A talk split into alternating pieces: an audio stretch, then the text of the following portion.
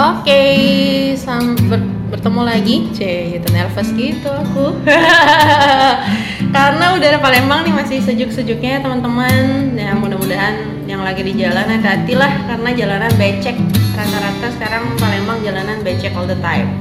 Oke, kali ini saya masih ditemani oleh teman saya, Rizko. Halo, balik lagi Hai, sama saya balik Rizko. lagi. Semoga nggak bosen ya dengerin. Yoi. ah, dengar-dengar katanya lagi sibuk mau persiapan wisuda anak-anak muridnya ya, Boy? Um, yes, anyway, seperti kemarin mungkin saya udah pernah bilang ya kalau karirnya saya Hmm, dosen gitu kan Hmm. dan besok itu sibuk buat wisuda anak-anak kuliah.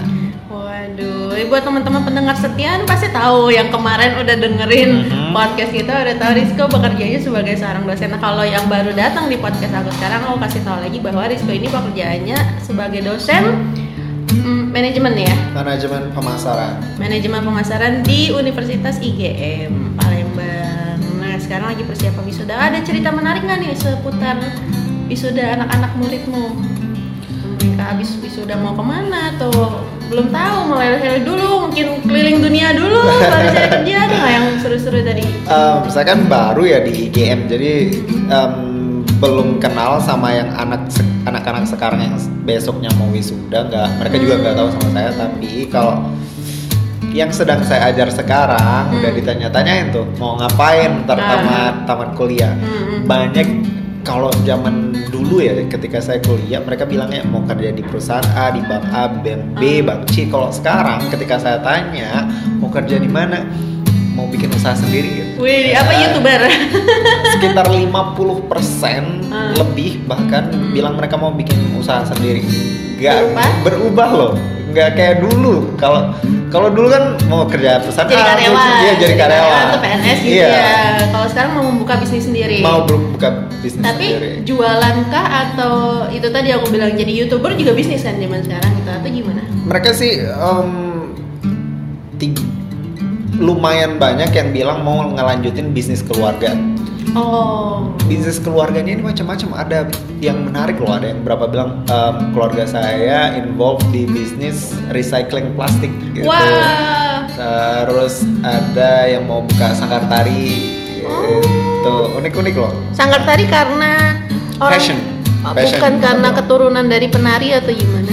Em, saya nggak tanya tapi ketika saya tanya kenapa mau bikin sanggar tari ya? Karena ini apa sih passion sukanya nari gitu. Oh, tapi jurusan kuliahnya manajemen pemasaran ya? karena manajemen ini fleksibel loh. Kita bisa ke mana aja. Kita kan memanage perusahaan. Hmm. nanti ketik misalnya dia mau buka sanggar tari ya memanage perusahaan Jadi pegawai-pegawainya manajer di sanggar tarinya, kemudian dia merekrut penari-penari untuk jadi pengajar, bukan dia yang ngajar tari juga gitu ya maksudnya? Em, bukan berarti jadi manajer jadi owner juga termasuk memanage. Hmm. jadi yang di manage itu kan kalau kita manajemen kan ada manajemen keuangan. Jadi dia bisa memanage eh, keuangan sanggar tari tersebut. Atau manajemen sumber daya manusia manage sumber daya manusia yang ada pada sanggar tari tersebut kemudian juga manajemen pemasaran loh ini berhubungan gitu Oh, kita kan kalau kita bisnis otomatis ada yang kita jual Hmm. kalau ini kan jasa yang kita jual Hmm. mesti kenal siapa aja ke mana aja gitu Hmm, tapi dia sendiri punya basic nari mas. Maksudnya kenapa Iya, kemudian iya. memilih Iya, itu? iya. Emang penari ya? Uh, sering ikut lomba gitu. Oh,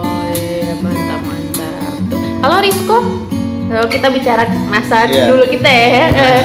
Mungkin ah, topik yang akan kita bahas hari ini itu kalau perlu ya dijadikan satu kalimat adalah eh, karir sebelum usia 30 dan setelah usia 30 apakah Yes. berbeda? Ini kan kita tadi kita ngobrolin Nah. mahasiswanya Rizka yang notabene-nya belum 30 ya. Belum umurnya 30. belum 30. Tapi udah 20-an ya? Ada yang di bawah 20, ada yang udah di atas 20.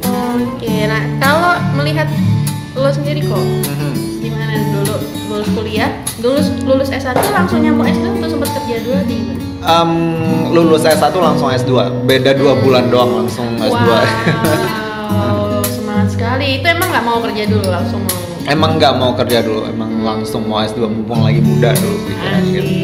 Belum ada niat mau kerja. Hmm. Itu jadi baru bekerja setelah lulus S2 atau? Um, jadi um, seperti yang udah dibahas minggu lalu, Iya. bahwasanya saya S2 itu ngambilnya di London, Inggris. Hmm. Jadi kan London kan kota mahal gitu ya. Asik. Terus um, kalau pengeluaran mahal, Mhm. otomatis pendapatan juga tinggi gitu kan. Ah, Saya Pema- mikir, saya mikir, besar. iya. Saya mikirnya dulu ah, gimana ya kalau coba cari kerjaan gitu iseng-iseng Oh. doang gitu kan. Terus teman bilang gitu kan, "Ehm, mau nggak kerja gitu kerja? Nggak, dia dia nggak bilang mau kerjaan nggak. Dia tanya, Rizko mau duit nggak? Mau dong. Bukan ditawarin mau kerja atau Eh, mau mau atau duit. enggak ya? Oke oke. Terus terus. Eh, dia bilang teman saya punya supermarket katanya gitu Hmm. kan Em, mereka butuh kasir kata waktu itu kan mau nggak gitu mau dong gitu kan Itu orang Indonesia teman yang ngajak. enggak enggak itu orang Pakistan temennya dia orang India gitu Orang India. Jadi kan, kasih. dia punya di sana itu nyebutnya supermarket meskipun nggak segede Carrefour Indomaret gitu, selevel Indomaret, agak minimarket. agak gede dikit dari Oh, Indomaret. Alpha Express. Iya sejenis itu. Jadi lumayan lah ya. Hmm. Em, jadi s- waktu itu ditawarin mau nggak gitu kan, terus dipanggil ke sana datang, ditanya-tanya, interview, ambil lah em, Oh. jadi kasir gitu kan, lumayan dong, nggak capek kerjanya itu kan. kerja paruh waktu berarti. Paruh waktu, Oh. paruh waktu ketika waktu itu di Inggris lumayan lah uangnya buat jalan-jalan gitu, buat makan-makan gitu kan. Oh. Terus setelah tiga bulan nggak nyampe ya dua bulan, dua bulan Bosen. setengah kerja bukan bosen. Ada dosen saya nawarin gitu kan, Oh. Rizko, saya ada kenalan katanya. Dia punya perusahaan investasi katanya, um, ownernya gitu kan, Oh. investasi. Mau nggak? Dia mau cari orang buat magang gitu kan katanya. Mau nggak? Oke dong, mau dong. gitu. Saya tinggalin yang uh, supermarket. kasir Oh. supermarket gitu kan. Setelah magang beberapa bulan, bosnya tertarik gitu. Mau kerja nggak? Katanya kerja beneran gitu katanya. Tapi masih pada paruh waktu. Baru magang enggak. Waktu itu kan um, sistem saya kuliah itu sebulan kerja, sebulan libur, sebulan kerja, sebulan libur, sebulan kerja, sebulan libur Oh, gitu kan. kuliah di London kayak gitu. Bukan kuliah di Londonnya, mungkin spesifik kampus saya aja waktu itu. Saya nggak tahu yang kampus lainnya. Yang kampus saya sistemnya S2-nya seperti itu waktu itu. Jadi dan ada waktu seperti itu. Setelah enam bulan, no no, 9 bulan saya kuliah di sana kan cuman tesis doang, Hmm. bukan cuman maksudnya nggak gitu. bukan gampang nggak mesti datang ke kampus Oh. otomatis kan tempat saya kerja yang magang kemarin nggak terlalu sibuk jadi tesis saya saya bisa bawa ke tempat kerja Oh. kemudian yang saya kerjain di tesis saya itu adalah pekerjaan saya yang saya bahas Oh, baiklah. Ini namanya mendayung eh apa? sekali Sekali mendayung mendayung dua pulau terlewati. Atau Iya. sambil ber- menyelam minum air. Iya. Boleh, boleh, boleh, boleh. jadi bisa Oh, gitu. Ya, itu ya. pendapatannya lumayan tuh yang di perusahaan lumayan lah gitu kan investasi. untuk Kok yang- lah, ya gitu. lumayan apa sih itu kan mahal kan? Um, waktu itu pound sterling. Iya, Kalau di Indonesiain di rupiahin ya otomatis mahal lah gitu kan. Cuman karena waktu itu kan masih uh, base salary masih Hmm. baru gitu kan fresh graduate uh, standar gitu kan. itu? Ada lah. Ya. Rahasia negara. Iya. Lumayan lah, cuman nggak betah gitu waktu Oh, ya? itu. Jadi mikirnya udahlah balik Indonesia aja gitu. Jadi Berapa lama ya? pulang. Em, plus pokoknya totalnya sekitar satu tahun lebih lah pokoknya waktu itu. Berarti sampai masa akhir kuliah banget Iya ya sampai masih ya? kuliah. Oh. Jadi udah nggak udah nggak mungkin pertama waktu itu salah strategi kali ya. Eh, waktu itu udah terlalu kangen sama Indonesia gitu Oh kan. my god, Se- seriously? seharusnya itu kan satu tahun setengah lumayan lama ya. Mm-mm. Mungkin sekitar 9 bulan ketika uh, bulan puasa atau apa sebaiknya pulang ke Indonesia gitu kan. Oh, pulang ke Indonesia balik rumah gitu. bukan lebaran maksudnya momennya aja gitu kan. Nah, jadi ketika balik lagi ke sana fresh dong Oh, gitu kan. eh Terus bisa gitu ya pulang dulu tapi ke sana. Pulang nggak apa-apa, Oh, terserah. Tapi biaya sendiri. bayar sendiri cuman waktu itu salah strategi jadi mungkin bersyukur juga sih karena itu ketemu sama passionnya gitu Iya, apa tuh? jadi eh, kan waktu itu eh, pernah coba-coba uh, kan dari corporate gitu kan pas di London gitu Si kan di perusahaan invest- investasi iya perusahaan investasi nggak apa sih kayak berbenturan gitu loh baru datang satu menit lima menit udah mau pulang pikirannya gitu kan mau Oh. pulang balik ke rumah maksudnya udah bisa dijelasin nggak sih bocoran dikit bet- nggak betahnya itu gimana sih? Kan kita nggak sebut merek nih Iya. perusahaan investasi mana. Eh, bukan perusahaannya emang dari sayanya gitu. Nggak cocok. Bos saya itu sangat baik sekali. Oh iya? saya kadang dijemputin gitu. Di Terus nggak betahnya kenapa? Um, Gajinya karena oke, gajinya bosnya iya oke. karena passion. Apa sih? Mungkin yang saya tertarik itu adalah jadi balik lagi value yang saya nilai itu adalah freedom and wisdom.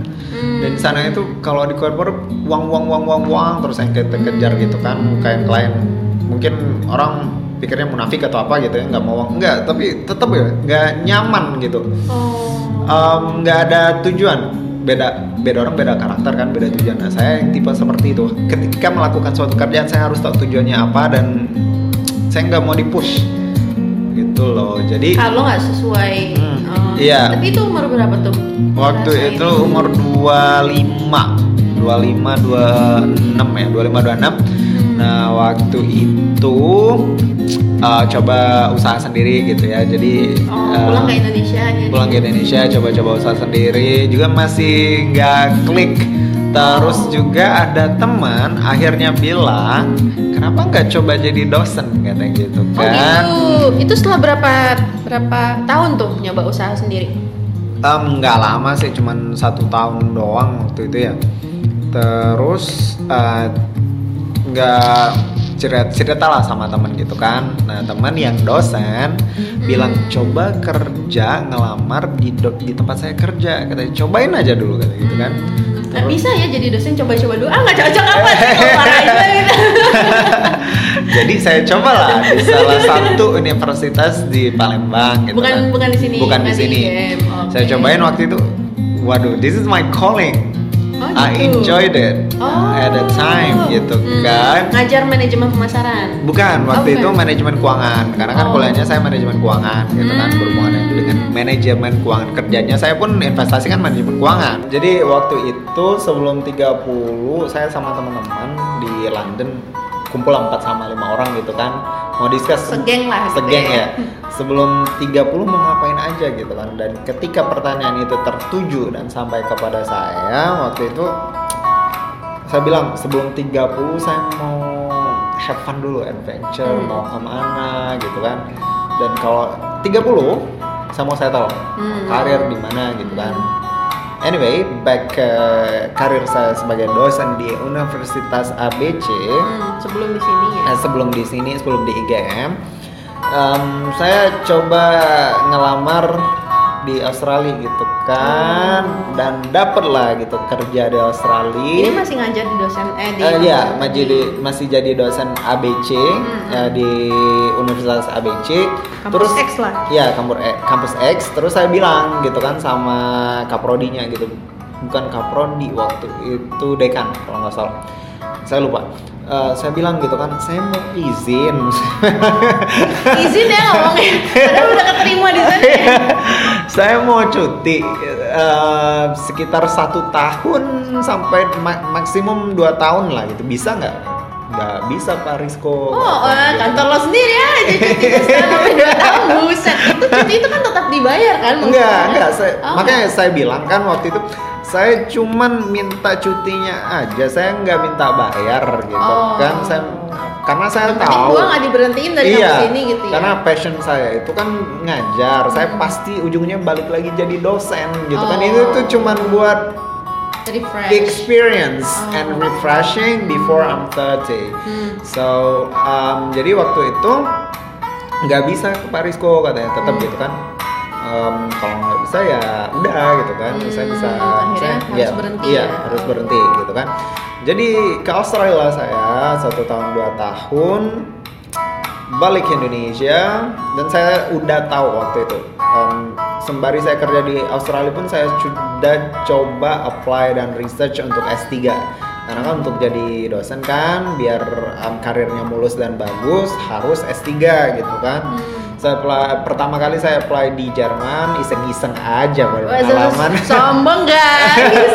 Dapet tapi nggak Oh, lulus gitu karena kan. iseng. gitu kan coba-coba oh gini prosesnya ternyata gitu kan Ini setelah selesai di Australia. Enggak, ketika masih di Australia pun karena saya udah tahu karir saya seperti apa ke depannya. Yang di Australia itu cuma have fun doang. Ya, tunggu sebelum kita bahas itu mau bahas di Australia kerja apa dulu atau gimana nih?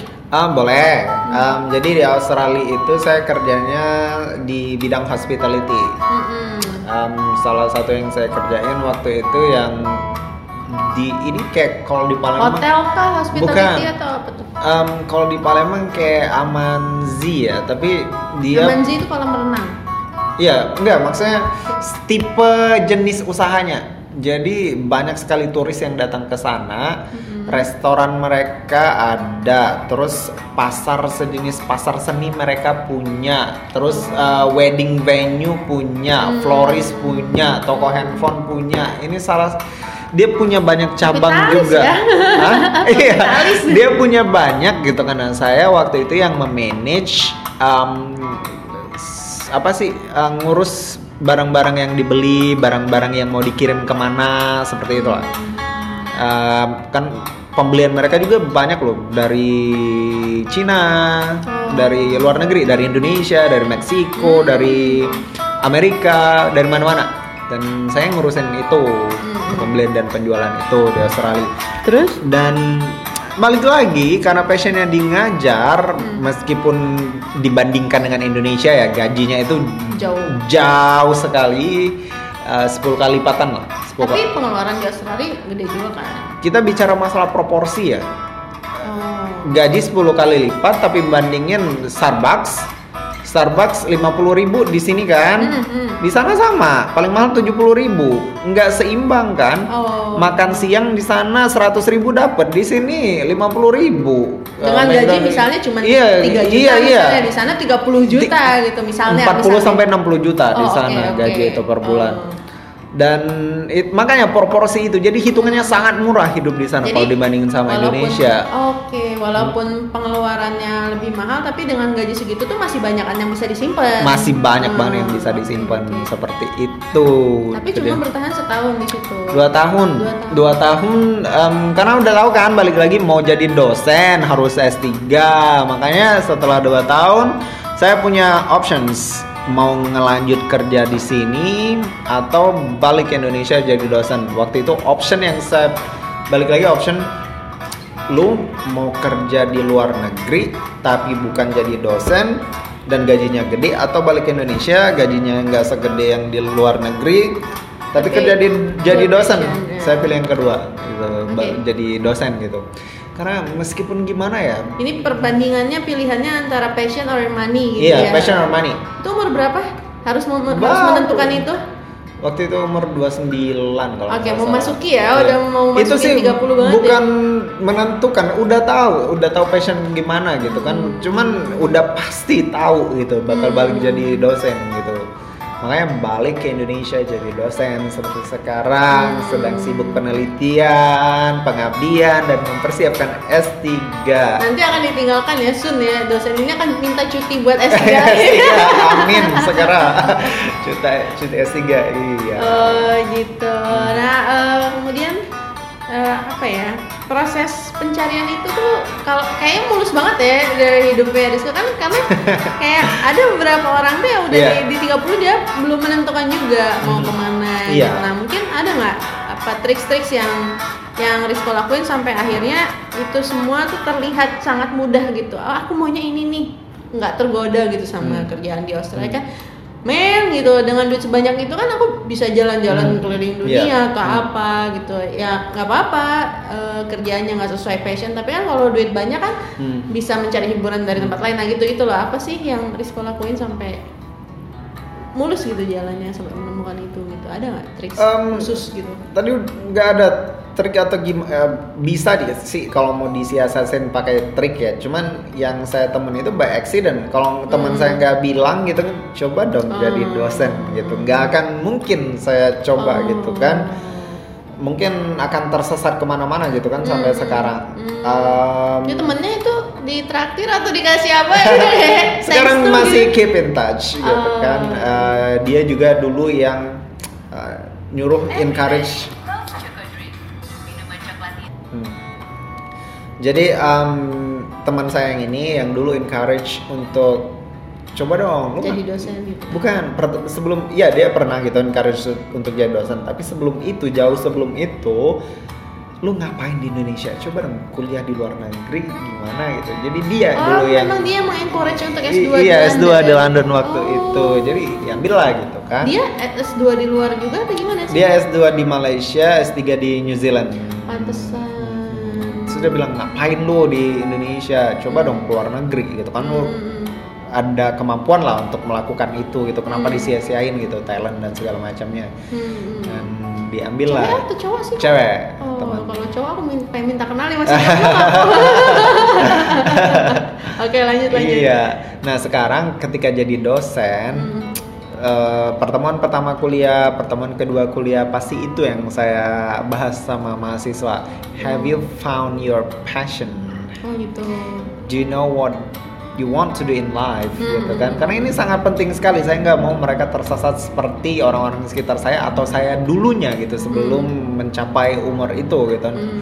karena yang saya iri itu bukan orang-orang yang punya uang orang-orang yang cukup segalanya tapi orang yang menemukan jati diri mereka siapa mereka gitu kan teman-teman saya yang tahu dari kecil saya mau jadi guru Hmm. dia jadi guru gedenya Dan teman enjoy enjoy ya teman saya ada yang tahu saya mau jadi dokter hewan ketika jadi dokter hewan Hmm. teman saya ada yang dari kecil saya mau jadi pilot jadi pilot beneran gitu jadi yang Hidupnya saya udah iya, dari awal iya. tuh lurus banget gitu Iya. ya, pakai kacamata Iya. kuda gitu ya.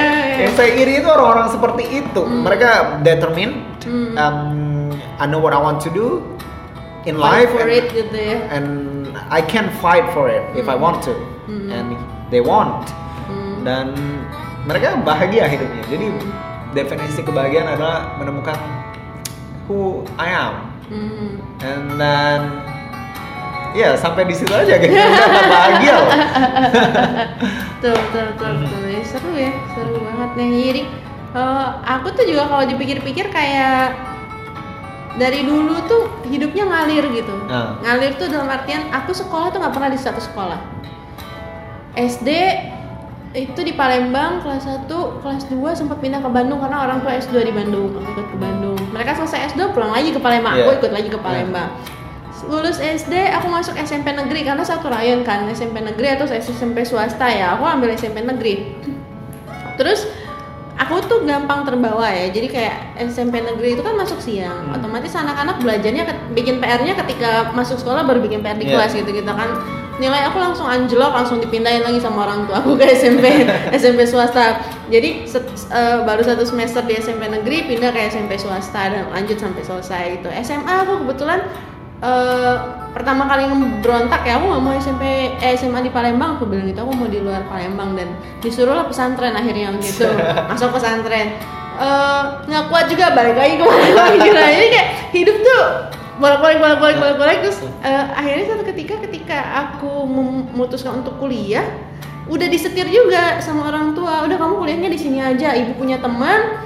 Aku ikut ujian tapi jujur aku tuh asal isi aja gitu loh bahasa yang baik kalau kata orang Palembang itu jadi asal isi berharap nggak lulus di situ tahu-tahu lulus karena ibu aku nelfon ini nih anak aku tolong dong dilulusin itu dan lulus. Dan akhirnya aku bilang wah nggak bisa nih aku bilang gitu. Ah, akhirnya untuk pertama kalinya dalam hidup aku I fight for I want for what I want gitu. Nah aku kuliah di jurusan seni. Hmm. dengan nggak ada background keluarga sama sekali yang mengerti seni gitu Iya. kan. Jadi it- dan dan itu pun nggak mulus gitu loh. Ke Jakarta 2006 tahu-tahu pendaftaran udah tutup kok. Hmm. jadi aku menunggu satu tahun aku nggak mau pulang ke Palembang. Udah Iya. aku kerja aja di Jakarta Iya. gitu sama satu tahun nunggu pembukaan 2007 masuk kampusnya juga dramatis banget dah pokoknya. Wah pokoknya lah. Udah akhirnya.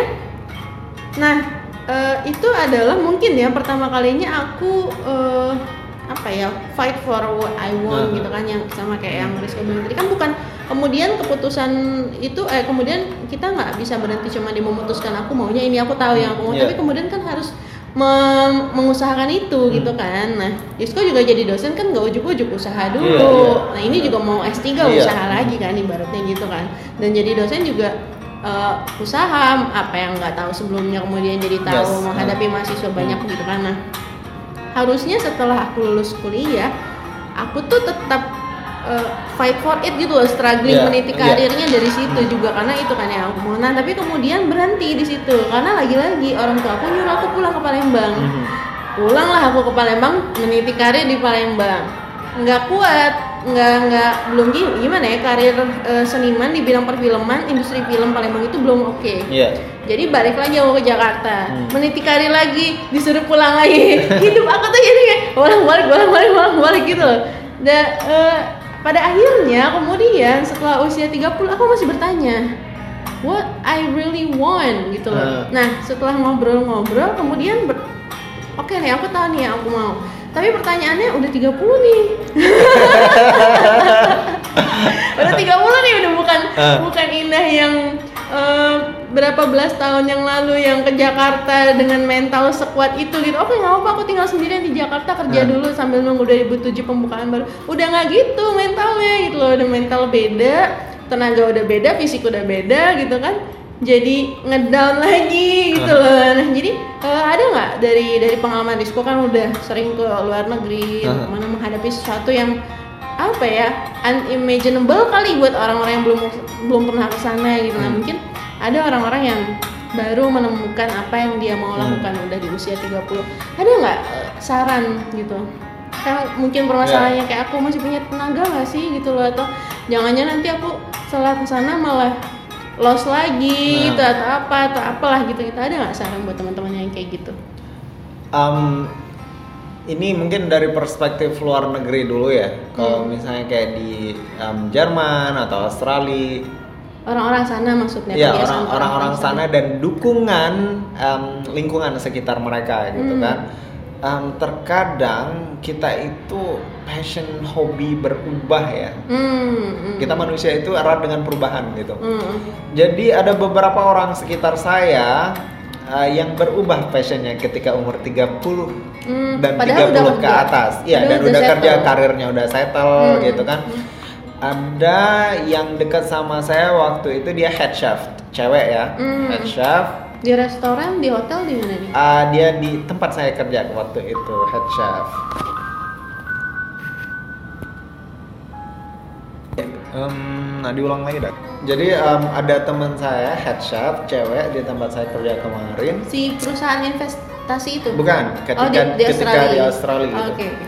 Eh, dia mutusin untuk berhenti pada saat itu. Dia udah kerja, kita udah saling kenal lah selama enam bulan, 9 bulan gitu kan. Terus dia muter- mutusin keluar, kaget lah gitu kan. Hmm.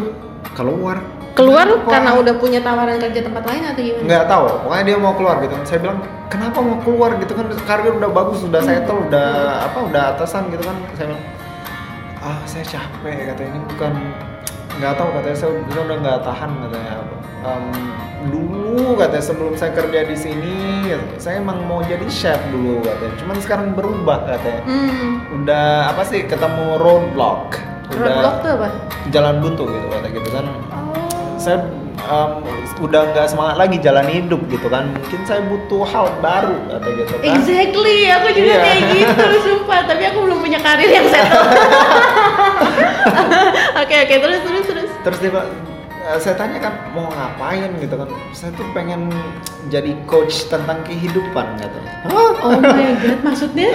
Guru yoga gitu? bukan guru yoga jadi um, semacam konsultan tentang kehidupan gitu. Emang karirnya gimana? katanya sekarang saya sedang sekolah itu katanya ambil Ada sekolah sekolah itu. ada sekolahnya gitu. Kayak kursus aja, bukan S1 betul-betul Eh, tuh semacam diploma. semacam diploma. Saya tanya berapa tahun? Tiga tahunan katanya. Serius? sembari itu ngapain? Ada kerjaan katanya di luar itu. Tambahan chef juga bukan katanya. Karena nggak udah nggak tertarik lagi katanya gitu kan. Em, kalau chef kan di belakang panggung gitu kan. Sekarang saya mau yang di depan panggung dulu katanya. Sembari cover katanya gitu kan. Oh gitu. Oke bilang gitu. Terus ada teman satu lagi orang Jerman. Dia perawat cowok. Hmm. gitu kan.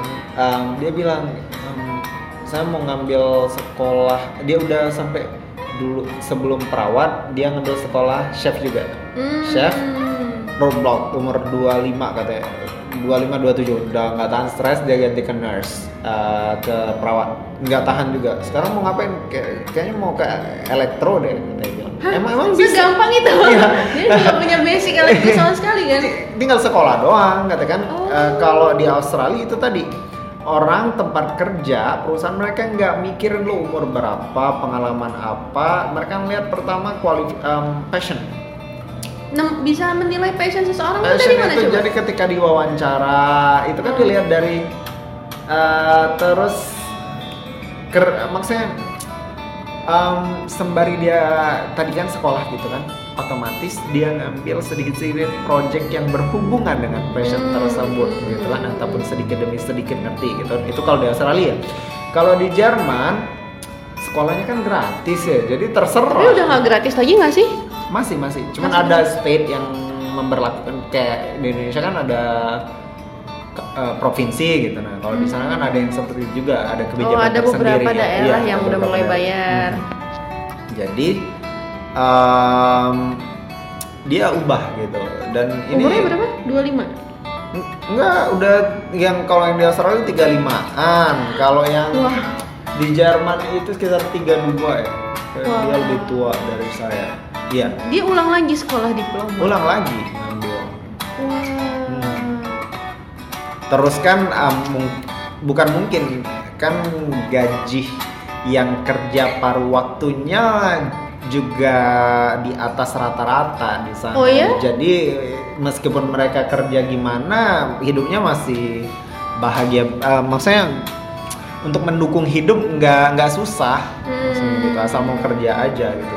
Beda kan sama Indonesia kan. Hmm. gitu. Yang kerjaannya bagus aja terkadang gajinya nggak seberapa, apalagi yang kerjaan nggak bagus dalam tanda kutip gitu kan. Terus dengan eh, zaman sekarang tuh yang aku takutkan umur sih, faktor Iya. umur. Kayak perusahaan-perusahaan itu kayaknya cenderung lebih senang sama fresh graduate atau yang Iya. masih muda ketika lo udah umurnya 30-an tapi baru memulai lagi ibaratnya dari Hmm. nol gitu kan meniti karir Iya. nol tuh kayaknya akan dipandang sebelah mata kan susah nggak sih kalau di Indonesia? Untuk di Indonesia iya. Mm-mm. Kita lihat dari budaya dari segala macam. Makanya tadi lingkungan kita nggak mendukung untuk yang seperti itu, nggak kayak di luar negeri gitu kan. Em, gimana ya? Ag- ag- agak susah untuk ini nggak Kalau buat orang Indonesia suaranya nggak berlaku tuh kok. Jadi Iya. gimana dong? Nggak ngerti kalau di Indonesia soalnya gimana ya makanya em, ketika di kelas saya bilang sama anak-anak mahasiswa gitu kan mumpung masih muda gitu kan Hmm. pikirin lah jangan sampai tersesat nanti bukan Hmm. tersesat ke jalan yang tidak benar tapi tersesat melakukan sesuatu jadi kan apalagi kerja ya in- 24 4 jam sehari Eh, sebagiannya itu kita ada di tempat kerja.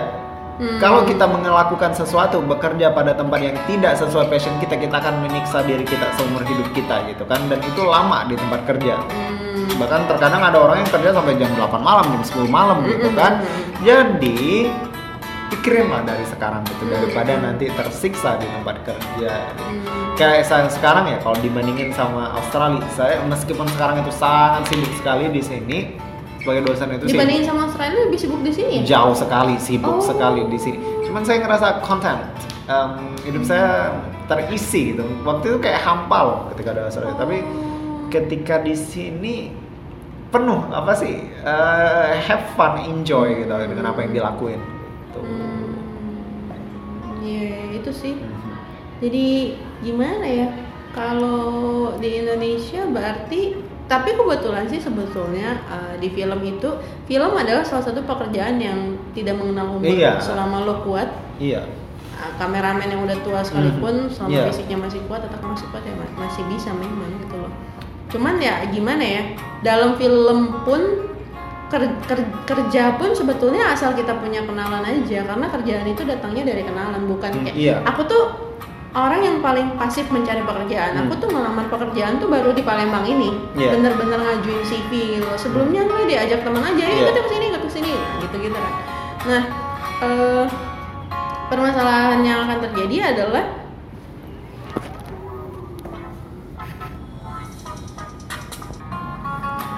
permasalahan yang akan terjadi adalah eh, paling stagnansi sih ya kalau stagnansinya eh, jadi penulis ya paling penulis itu kan eh, pengen lah punya portfolio sebagai penulis film Iya. paling kayak gitu gitu atau eh, kemudian pengen lah namanya dikenal kayak aku kan dulu nulis sinetron itu kan jadi apa ya istilahnya ghostwriter Iya. yang di yang kemudian dimunculkan Namanya di layar muncul. tuh nama bos doang Iya. nama kita yang dibawa-bawa tuh nggak akan pernah ada jadi Iya. aku nggak bisa pakai itu sebagai portfolio aku gitu Iya. nah paling kayak gitu itu itu bisa bisa aku bisa tetap melakukan itu dan dan dan dan bisa tetap hidup kemudian sampai sekuatnya aku Iya. gitu loh nggak nggak perlu mikirin aku harus S2 aku harus mana cuma kemudian yang jadi pertanyaan adalah eh, gimana ya? I want to do more than that gitu Hmm. kan. Jadi kayak ya udah udah tahu di situ gitu. Tapi aku tuh pengen lebih gitu. Nah cuman ketika ketika oke aku tahu lebih itu harus eh, S2 misalnya misalnya ke, ke ke luar negeri misalnya gitu gitu kan. Kemudian pertanyaannya jadi balik lagi eh, mungkin nggak ya gitu. Kemungkinannya cuman ada dua. Kalau itu eh, aku berkarir di luar. Terus karena gini S2 di luar itu di Indonesia kalau di film penghargaannya itu nggak ada kecuali kamu ngajar di Iya. kampus film gitu bahkan banyak dosen-dosen yang ngajar itu sebenarnya S1 Mhm. S1 ngajar S1 gitu atau Mhm. S1 ngajar D3 nah dosen yang jadi penghargaan S2 ke luar negeri itu kemudian tidak berdampak ketika kamu bekerja di film tapi Hmm. berdampak ketika kamu menjadi akademisi akademisi, gitu ya. di situ aja gitu loh. Nah, jadi kalau mau karirnya berkembang bukan S2 solusinya gitu loh. Jadi banyak-banyakin portfolio dan Hmm. dan kerja sama orang yang posisinya lebih tinggi jadi posisi Hmm. kita naik gitu loh. Nah, tapi lama-lama aku tuh mikirnya gimana ya? Kadang pengen juga kar- eh, karir settle Iya. kayak Risco gitu Hmm. kan. Eh, ngajar gitu. Kalau kalau di film kan ada kerja, kadang nggak ada, Iya. ada kerja nah kayak gitu-gitu. Nah, itu kalau mau itu ibaratnya aku rada banting setir sedikit, kemudian S2 terus aku mengajar di sini dengan keadaan kampus film yang masih sedikit kan Hmm. sebetulnya eh, gimana ya agak kurang tahu tuh aku apakah mereka lebih cenderung pakai dosen yang lebih bisa dibayar walaupun pendidikannya nggak tinggi-tinggi banget atau kemudian eh, kampus film di Indonesia sudah betul-betul eh, memposisikan pengajar dengan kualitas akademik tertinggi yang paling dihargai itu aku aku belum tahu lah paling paling itu sih kendalanya kayak eh, masih punya tenaga nggak? Nih udah umur 30 gitu. Terus kemudian orang udah nanya kapan nikah? gitu-gitu kan. Kapan berkeluarga? Ya ya gangguan-gangguan kayak gitu sih. Gangguan. Gangguan sih. Dulu tuh dulu polusi ya. dulu tuh aku tuh merasa hidup yang loncat-loncat ya. Hmm. kalau versi dosen aku tuh rolling Rolling Stone. Hmm. ya bener-bener ya gulir aja. Mana ke sini mana ke sini jadi dia bilang ada dua jenis pekerjaan satu Rolling Stone yang kamu nge- ngegelinding aja ke mana mentoknya ke mana pasti Hmm. ngalir lagi atau kamu tipikal pohon yang eh, menancapkan diri di suatu tempat kemudian akar kamu semakin dalam semakin Dalam, iya. dalam dan eh, cabang-cabang kamu semakin banyak Hmm. nah kayak gitu nah dulu tuh aku Rolling Stone dan aku nggak masalah ya. sini sini aku punya pengalaman kerja di sini Hmm. jadi kan aku nggak kerja di, di, di produksi doang Iya. gitu kayak event film aku kerjain Hmm. juga gitu kan festival-festival ya banyak lah jadi pengalaman tuh banyak Hmm. sebetulnya gitu loh dari yang ada fashionnya sama aku atau enggak gitu tapi kemudian lama-lama segini-gini aja hidup gue ya gitu segini-gininya ada temen yang fokus gitu sekarang udah kelihatan karirnya Ah. udah di sini gitu loh ada temen yang eh, buka bisnis jauh banget dari dari film Film. pokoknya buka bisnis berhasil kelihatannya juga aku masih di sini sini aja si Rolling Stone ini gitu. nah itu yang kemudian mengganggu sampai di usia 30 nih waduh ini tuh lah ya Jadi em, kalau mungkin nggak gitu kalau dunia film, apalagi penulis skenario gitu kan, Mm-mm. bekerja jarak jauh gitu. Kayak em, maksudnya mereka butuh project nih, butuh tulisan ini, bis, lu bisa kerjain nggak gitu? bisa Dan, ya, kalau percaya dan kembali, lagi butuh butuh portfolio, portfolio tetap ya. Oke.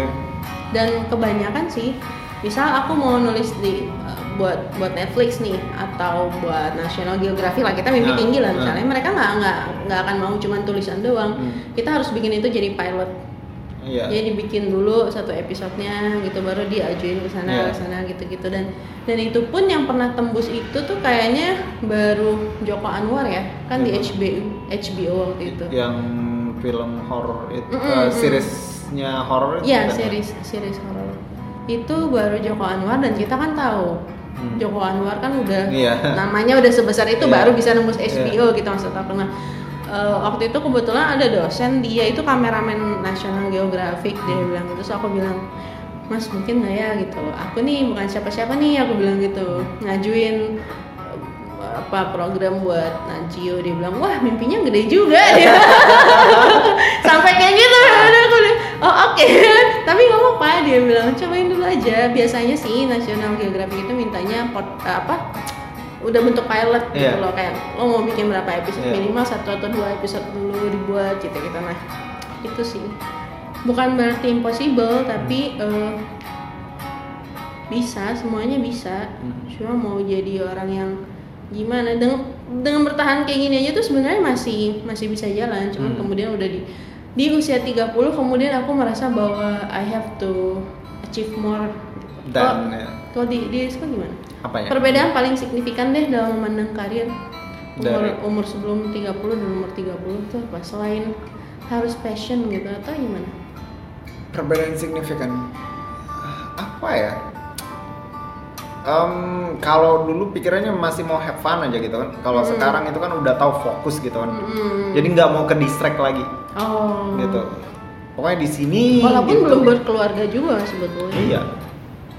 Jadi apa sih ya? Pokoknya sekarang mau fokus aja gitu. Dan saya biasanya ya kalaupun ada kerjaan Hmm. di luar ini Hmm, teman-teman misalnya ngajakin sih Iya, dan itu tidak relevan dengan tujuan jangka panjang saya, biasanya saya tolak. oh gitu Karena itu bakal ngedistract. Karena saya ngerasa ya udah umur 30 itu waktu itu sangat berharga Hmm, sekali. hmm, hmm, hmm. Saya maunya ketika saya mengerjakan sesuatu bertemu dengan orang adalah yang quality gitu. Hmm. Saya nggak mau lagi yang bukan quality aja, maksudnya yang relevan Hmm. dengan tujuan hidup, dengan uh, passion, interest, hobi segala macam seperti itu. itu juga yang aku alami sih aku sekarang juga masih memegang pekerjaan-pekerjaan yang menurut aku aduh this is not my passion tapi pertanyaannya bukan bukan bukan cuman bukan cuman aku Iya. memang butuh uang dari situ tapi karena nggak enak aja temen yang ngajak itu dia aku Iya. bilang aku kan kerja tuh diajak sebetulnya Ah. diajak ini diajak ini Lu kayak lo sebenarnya tuh aku tuh suka ngerjain ini Sebenarnya kalau boleh tanya ya, yang paling indah mau yang ada hubungannya dengan karir itu apa sih ke depannya gitu? Eh, saat Se- ini So untuk mencari passion, you have to know who you really are first. Then from there, you can go to the next step to itu try aku out. tuh orangnya paling nggak bisa mikirin masa depan sih.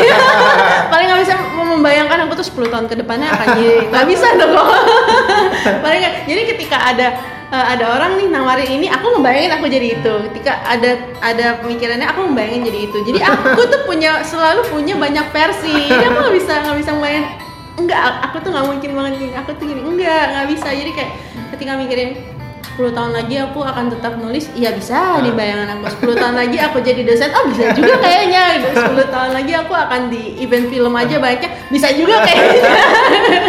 Soalnya kalau seperti itu agak susah. Susahnya kenapa? Kalau sekarang udah mikir, aduh saya ngapain? Who knows yang bakal Indah pilih nanti Hmm. 5 tahun 10 tahun lagi mikir lagi gitu. Aduh sebenarnya kayaknya nah itu yang aku takutkan Iya. gitu loh karena pola hidup aku tuh kan yang itu tadi Iya. aku ceritain kok pindah lagi pindah Iya. lagi pindah lagi gitu gitu loh aku tuh selalu berpindah-pindah nggak pernah benar-benar struggle settle di dalam waktu yang lama dan meniti karir dari bawah belum pernah gitu loh ada saran nggak? Ya itu tadi. Apa harus tanya sama diri sendiri? Who am I? Hmm. What do I really want in life gitu kan? Setelah itu baru bisa ini. Karena saran seperti apa pun kalau karakternya seperti itu ya ujung-ujungnya balik lagi seperti itu gitu. Hmm, aku tuh beberapa eh, apa ya beberapa pekerjaan lah bisa dibilang pekerjaan yang pernah aku geluti itu event pernah ya event film kayak event event event film festival film sih mostly gitu. Event terus penciptaan lah produksi ya. Aku aku pernah eh, ya di talent koordinator pernah asrada pernah sutradara pernah penulis pernah. Yang lain aku belum pernah jadi nggak tahu rasanya. Terus eh, kalau ngajar itu aku aku pernah ngajar ngajar SMA aku pernah. Terus ngasih kursus. Kalau anak-anak kuliah tuh kayak ngasih kelas khusus Hmm. gitu yang satu sesi satu Hmm. sesi nah di antara pernah nggak yang jadi yang lain? Pen- yang jadi yang lain paling eh, dulu waktu sebelum kuliah tuh jadi pelayan toko pernah. Jadi salah satu pengalaman hidup lah ya satu tahun tuh lumayan tuh aku di situ. Nah dari kelima ini yang paling aku bukan berarti aku nggak bisa aku bisa gitu. Tapi yang paling aku enjoy adalah pro- proses penciptaan. Jadi i- eh, ketika aku nulis atau aku direct ketika aku menciptakan sesuatu itu aku enjoy nah aku seneng banget gitu Hmm. loh jadi kayak eh, kita tuh ngomongin konsep gitu loh menciptakan sesuatu bukan menciptakan acara untuk menghargai penciptaan Hmm. itu kan event kan Iya, untuk iya. menghargai kan apresiasi bentukannya gitu atau mengajar membagi ilmu aku tuh pernah nyoba ngasih kelas gitu kalau ngajar anak SMA aku tuh mikirnya ketika ngajar aku tuh selalu bingung apa yang aku omongin jadi kayak orang tuh bisa bikin eh, apa ya poin-poin Hmm, dengan iya. bagus dengan rapi dengan menarik sementara aku tuh lebih lebih sukanya nanya gitu Ah. loh jadi eh, apa yang kalian pengen tahu bukan kemudian aku yang nyuapin karena Ah. ketika pun aku nyuapin kayak terlalu sedikit yang aku suapin tapi dalam gitu loh. Iya. dan dan anak-anak tuh kayaknya cengong bingung. Ini anak-anak ngerti gak sih? Gitu. jadi ketika terakhir tuh aku ngasih ngasih kursus uh, penulisan skenario ke anak unsri beberapa waktu yang lalu. Sebulan yang lalu kalau nggak salah. Ada eh, teman yang nonton juga. Terus aku nanya gimana performa aku tadi? Aku bilang gitu kan. Terus dia bilang kayaknya tuh eh, kamu tuh kurang cocok kalau jadi pengajar ya gitu. Lebih cocoknya jadi konseling. Ah. jadi kayak eh, dua Dua dua face to face private. private gitu. Karena kayak yang dibahas tuh cuma satu sebetulnya tapi dalam. Kalau kamu jadi sementara kalau ngajar tuh kan harus banyak yang Iya. dikasih luas tapi nggak mendalam. Biar murid lo cari sendiri. Nah, kalau lo tuh kayak cuma itu aja yang dibahas tapi maunya dalam dan maunya dari berbagai sudut pandang. Oh Iya. aku tuh jadi kayak jadi kayak punya pemandangan lain. Oh aku tuh kayak gitu ya ternyata. Aku tidak sadar sebetulnya gitu lah. Aku tuh kayak nah di situ aku tuh jadi mikir kayak jangan-jangan iya aku tuh nggak cocok jadi pengajar gitu loh. Takutnya takutnya ketika aku memutuskan untuk itu padahal kalau versi Risco jadi dosen itu pekerjaan yang dalam tanda kutip mudah dan enak ya? Karena itu passion bukan passion Hmm. doang. Apa talent dan Iya, talent, kali, bukan Iya, cuma passion, iya. tapi punya bakat juga di situ. Iya, em, jadi dosen itu pinter aja nggak cukup karena Hmm. kita mengkomunikasikan ide. Hmm. Banyak sekali orang pintar tapi mereka tidak bisa menyampaikan ide. Betul, aku kayak Jadi- gitu kayaknya. aku ngaku. Jadi terkadang masalah bukannya kita menjelaskan tapi menambah bingung Hmm, hmm, audiens hmm, gitu hmm, kan. hmm. Nah jadi em, untuk jadi dosen saya pikir nggak cukup bu- eh, dengan punya ide dan Hmm. kemampuan berpikir, tapi juga kemampuan berkomunikasi, mengkomunikasikan Hmm. ide kepada audiens. Hmm. Gitu. Jadi itu kemarin Rizko sempat eh, diajarin soal itu waktu kuliah S2 manajemen atau Ah. emang basically gampang komunikasi aja sama orang. Em, jadi em, sebenarnya ini tuh udah kelihatan dari dulu ya, Oh, dari ya? dari kecil karena sering disuruh present sama guru dulu kan ketika sekolah. Kita kan dulu sekelas kok. Iya. Kok Aku nggak inget. Enggak, kelas 2 enggak. Kelas 1, kelas 2 Kelas enggak. Kelas 3 ya. Kita kan baru sekelas kelas 3. Kelas tiga, kelas tiga, Terus iya. uh, ketika kelas 2 disuruh present biologi ke Hmm, kelas gitu kan. Bola sirun. Ih, bip bip. Oke oke. Iya. Guru favorit aku tuh. Oke oke terus. Jadi um, waktu itu present gitu kan maju ke depan jelasin poin tentang biologi lah. Dia bilang ini bagus sekali karena saya jelasinnya udah kayak expert di bidang biologi. itu waktu tugas kelompok atau pribadi? tugas pribadi untuk Oh. present gitu kan di depan kelas. Jadi tulis di papan tulis sampai sedetail mungkin dan teman-teman ngerti gitu kan.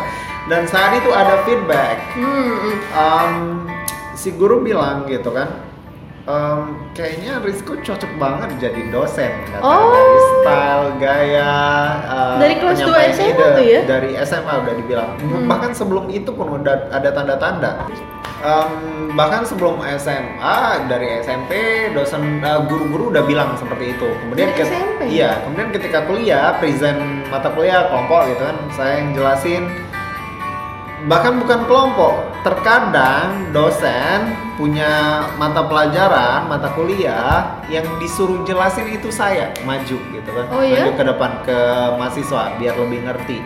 Dan di sana itu tuh tanda-tanda mengindikasikan. Cuma pada saat itu saya masih nolak ya. Masih nolak apa sih subconscious. Jadi mungkin ini gimana ya ada ada di belakang kepala kita kan kalau orang Indonesia ada beberapa jenis profesi yang agak direndahkan gitu kan. Misalnya um, cuman pegawai apa gitu kan. Terus ada bilang cuman guru gitu kan cuman Oh. kata cuman itu loh cuman itu stuck di kepala saya gitu kan Oh, Ah, jadi nggak tertarik kalau Iya, gara-gara gara- cuman gara-gara itu. kata cuman di belakang Oh. kepala. Ujung-ujungnya ketika yang teman saya bilang, kenapa nggak coba jadi dosen gitu Itu kan? kenapa nggak kepikiran? Aduh, cuman dosen, Ah, itu karena banget gitu. waktu itu udah desperate gitu. What do I want? Nggak tahu gitu kan? Udah lulus S2 loh. Iya, makanya bahkan kan Indah aja sampai sekarang masih belum tahu kan? aku masih bagaimana- S1. Iya. Rizko udah S2 di Masih London pula gitu. iya. Jadi masih belum apa sih? Masih belum um, belum sadar apa waktu itu kan ketika dicoba dan I really enjoyed it. This is my calling. Pada saat itu saya bilang I don't care what people think, I don't care what people say. This is who I am. Hmm. I need to accept who I am and this what makes me happy and I don't care about other people. What yeah, what they think. Waktu itu, ah gini, dalam setiap pekerjaan kita akan selalu berhadapan dengan dua hal Pekerjaan yang kita lakukan dan sistem yang mengepalai pekerjaan Iya. itu Kadang kita suka kerjaannya, Iya. tapi kita nggak suka sistem di tempat iya. itu Nah, ada ada halangan nggak soal sistem itu? Di perdosenan lah Iya, eh, jadi eh, sistem ini kalau em, orang luar negeri punya culture ya, budaya Hmm, kerja gitu, hmm, budaya hmm, kerja. hmm. Em, yang pada saat itu saya suka kerjanya tapi saya nggak suka culture-nya. Hmm, hmm, banyak yang mengalami kayak gitu bukan Iya. cuma di luar negeri di Indonesia Iya. juga. mhm. Jadi saya putusin waktu itu em, oke lah, saya nggak suka culture-nya tapi saya tahu celah-celah di mana saya nggak terlalu berhubungan sama culture-nya gitu Oh, kan gitu. waktu itu kan.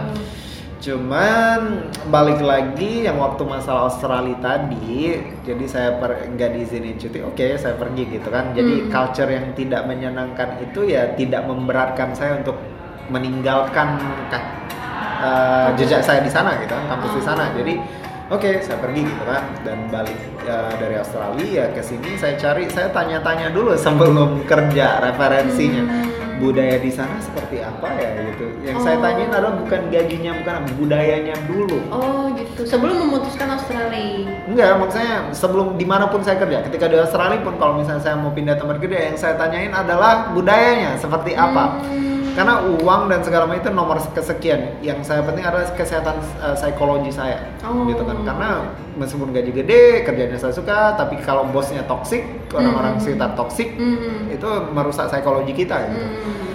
dan ketika balik ke Palembang lagi pun ketika mau cari kerja yang ditanyain gaji dan lain-lain kesekian Hmm. di sana seperti apa sih budayanya Hmm. itu yang ditanyain dulu ketika baru tahu oke dan I'm happy here Hmm. di Kalau misalnya ternyata di sini budaya kerjanya nggak oke, Rizko akan dengan senang hati nyari Iya. di tempat lain dan Iya. pencarian itu yang Iya. akan terus terjadi ya. karena saya pikir Bukan mengubah pekerjaannya, Bukan. tapi mengubah tempat tempatnya kerjanya. berarti. iya Oh. karena saya pikir saya punya talent saya punya skill gitu kan saya Hmm.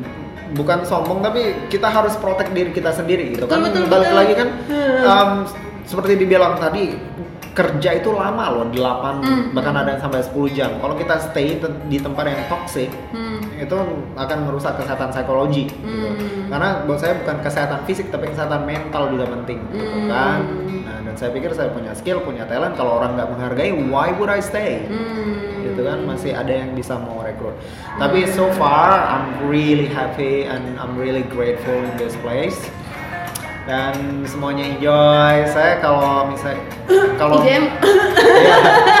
kalau Ini bukan promosi ya.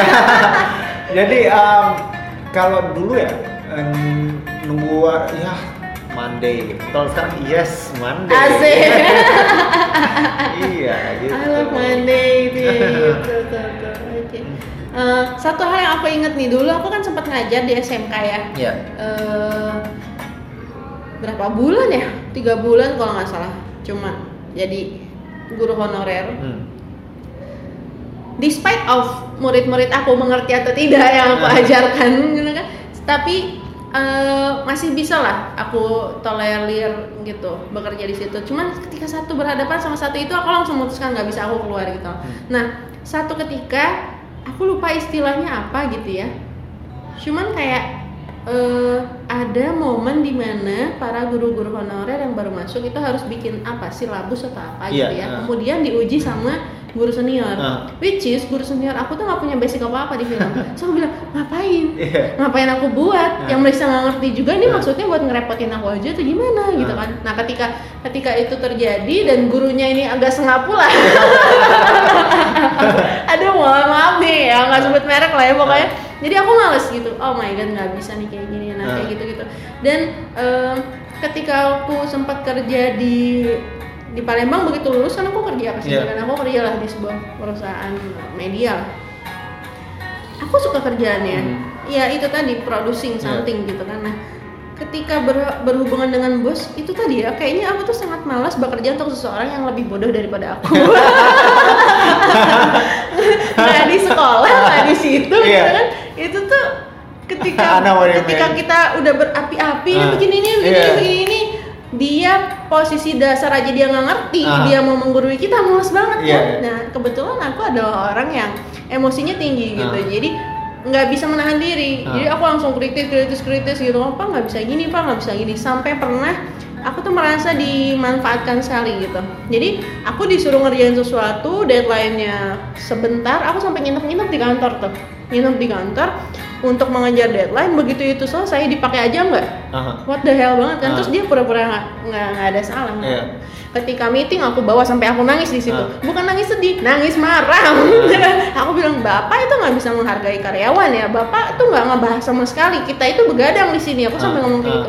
Begadang di sini bikin yang terbaik bla bla bla. Ujung-ujungnya bapak pakai juga nggak itu produk? Bapak bahas juga nggak? Bapak nggak minta maaf sama kita sampai kayak gitu.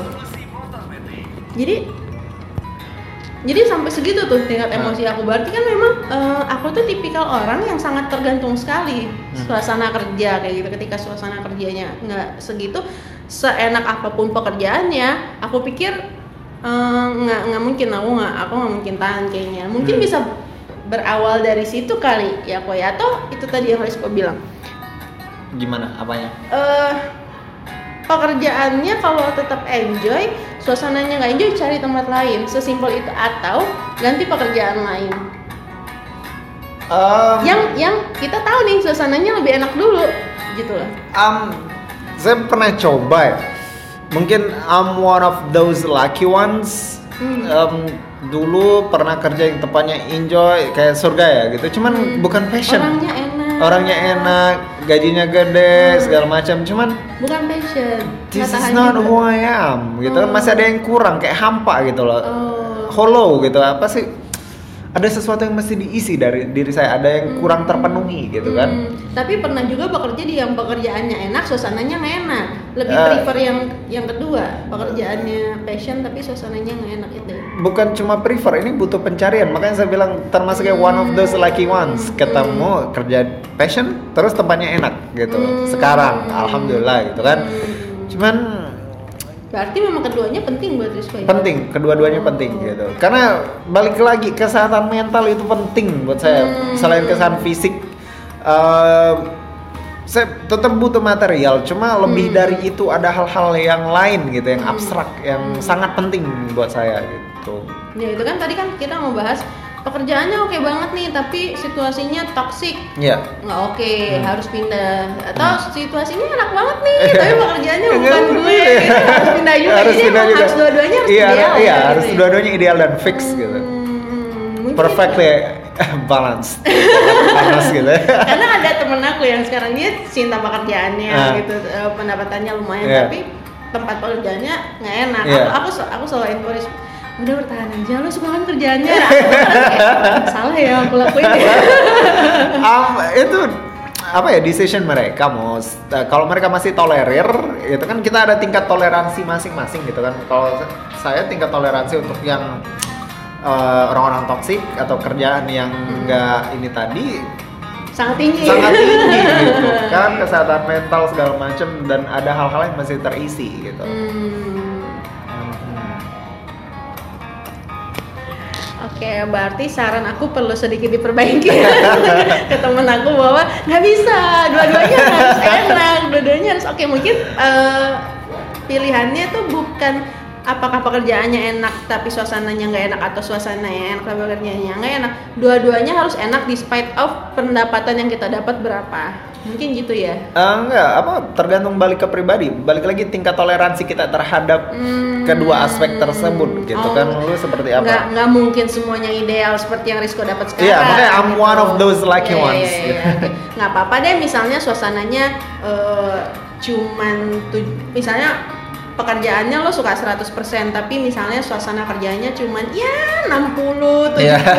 gitu kan jangan sampai di bawah 50% Iya, iya, aja iya. gitu ya ya udah bertahan Iya. kalau kalau kayak gitu ya Iya. oke oke oke berarti eh, bikin bikin barometer mungkin kita perlu bikin list Iya. kali ya gitu kan Oh, ini nih ya nggak enak ini enak ini nggak enak ini enak gitu gitu ya oke oke oke berarti kita di usia 30 ini kemudian melihat bahwa eh, pekerjaan itu bukan cuman sesuatu yang bisa menjadi sumber penghasilan lo Iya. bukan juga cuman sesuatu yang bisa bikin lo nyaman untuk Hmm. berlama-lama di situ tapi juga harus ideal keduanya Iya. dan dan tetap ada tetap berada di eh, apa ya di bawah tingkat toleransi yang bisa kamu hadapi. Karena udah 30 ya gitu. Yes. jangan mungkin di usia 20 kita masih punya banyak tenaga untuk ya udah gue dapet duitnya aja deh yang penting. Tapi mental gue capek fisik gue capek nggak apa-apa. Iya. ini udah 30 gue udah nggak ada lagi tuh tenaga sebesar itu gitu ya. Dan waktu sebanyak itu juga. Oke lah. Ada lagi yang mau disampaikan mungkin di episode kita terkait bagaimana sih kita memandang karir sebelum 30 dan setelah 30 Em, jadi bukan cuman memandang karir untuk mahasiswa-mahasiswa atau sekarang yang Betul. sedang sekolah gitu kan. hmm. Ask who you really are gitu. Hmm. Ada beberapa pertanyaan yang ditujukan untuk anda sendiri dan yang menjawab adalah anda sendiri Hmm. gitu kan. Tanya dan terkadang setelah bertanya dicoba gitu Iya, kan. betul, betul. Dicoba Beneran kerjanya nggak suka gitu? nggak gitu. Beneran nggak? Makanya kita kan ada magang, ada apa, ada coba-coba ikut teman. Itu tadi untuk mencoba suka atau enggak gitu sama hal-hal seperti ini. Dan sembari sebelum 30, coba-coba lah banyak coba eh, tanya diri sendiri dan kalau udah menemukan Anda termasuk orang yang beruntung orang yang beruntung gitu kan. Dan kalau misalnya sebelum ini dari kecil udah tahu mau jadi apa, Anda orang yang sangat beruntung. Betul itu. Dan apa ya? Barangkali eh, bukan berarti kita nggak bisa toleransi kemudian mental kita cemen. Iya. Yang ada yang bilang ya elah gitu doang nggak tahan. Hmm. Ya udah sih tahanin aja Iya. gitu. Bukan kayak gitu ya. Iya. Karena eh, itu adalah permasalahan mental kita yang lama-lama ketika terus berada di tempat yang toksik atau melakukan pekerjaan Iya. yang toksik tuh lama-lama merusak diri sendiri Iya. gitu. Hmm. Bukan masalah kuat nggak kuat, itu nggak sehat Iya. gitu ya dan nggak boleh nggak boleh dilakukan. Oke. Itu tadi buat yang udah 30 tapi masih belum menemukan eh, ada teman aku yang bilang jati diri itu akan terus dicari berapapun umur lo Iya. gitu dan dan eh, menurut Rizko salah satu solusinya tadi kalau mau berubah-ubah karir itu kerja di luar negeri lebih mudah Iya. lebih Eh, mudah dalam lingkungannya lebih mendukung. lebih mendukung daripada di Indonesia Iya. ya mungkin kalau teman-teman punya kesempatan untuk mencoba itu silakan Hmm. coba di luar sana gitu kan karena di Indonesia kayaknya udah 30 ke atas itu udah susah buat Hmm. ganti-ganti karir kecuali kecuali ya kayak bikin usaha sendiri Yes. itu kan limitless ya umurnya Yeah. usianya gitu gitu oke lah ada banyak problem yang terjadi dalam hidup kita tapi bukan berarti kita nggak nggak bisa jadi solusi ya Hmm. ngobrol sama teman atau mungkin supaya beruntung kayak Rizko tadi yang tiba-tiba kena tiba-tiba ketemu temen yang kenapa lu nggak kuliah S2 di luar negeri aja kenapa lu nggak coba ngajar aja dosen Iya. itu mungkin didapat